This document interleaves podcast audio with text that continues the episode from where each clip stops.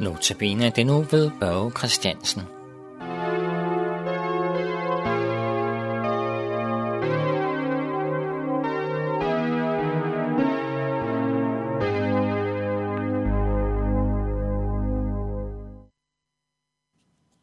Til min indagt i dag har jeg valgt en tekst fra Jeremias 31.3. Men inden jeg læser den, vil vi lige bede sammen. Jeg takker dig Gud, fordi du er trofast. Og jeg beder om, at vi må erkende vores synd. Og jeg beder om, at du fortsat må være en barmhjerte til Gud.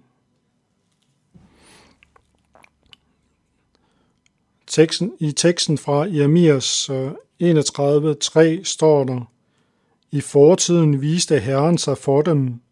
Med evig kærlighed har jeg elsket dig.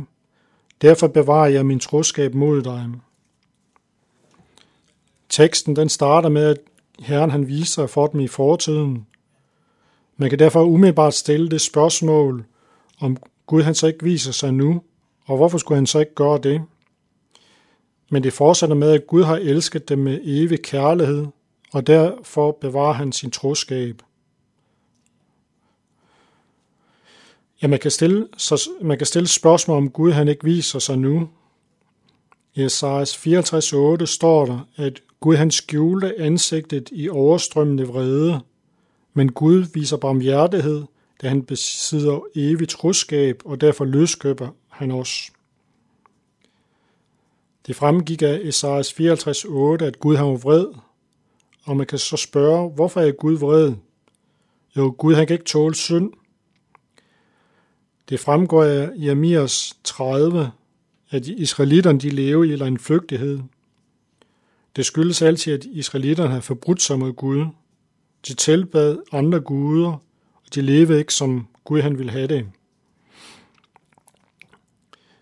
Ifølge Romerne 3.10 er der ingen retfærdig, og ifølge Romerne 3.11 så er der ingen forstandig, ingen der søger Gud. Ingen blev retfærdiggjort af lovgærninger. Og ifølge Romerne 3.19 så får loven os bare til at kende vores synd.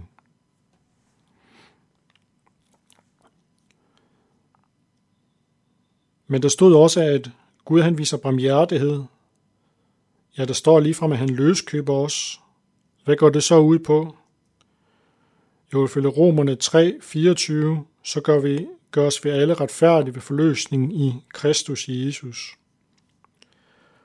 Gud han lod sin egen søn dø på korset for vores skyld. Gud han lod den skyld falde på ham, som egentlig tilkom os. For syndens løn er døden, men vi har fået evigt liv ved tro på Jesus. Tro på, at Jesus allerede har gjort alt det, som er nødvendigt, for at vi kan gå fri på dommens dag. Ja, Gud han er trofast og har elsket os med evig kærlighed, og derfor har han allerede en plan klar. Der havde han allerede en plan klar for verdens begyndelse af. En plan, som gik ud på, at en person, nemlig Jesus Kristus, måtte dø på korset for vores sønders skyld. Amen.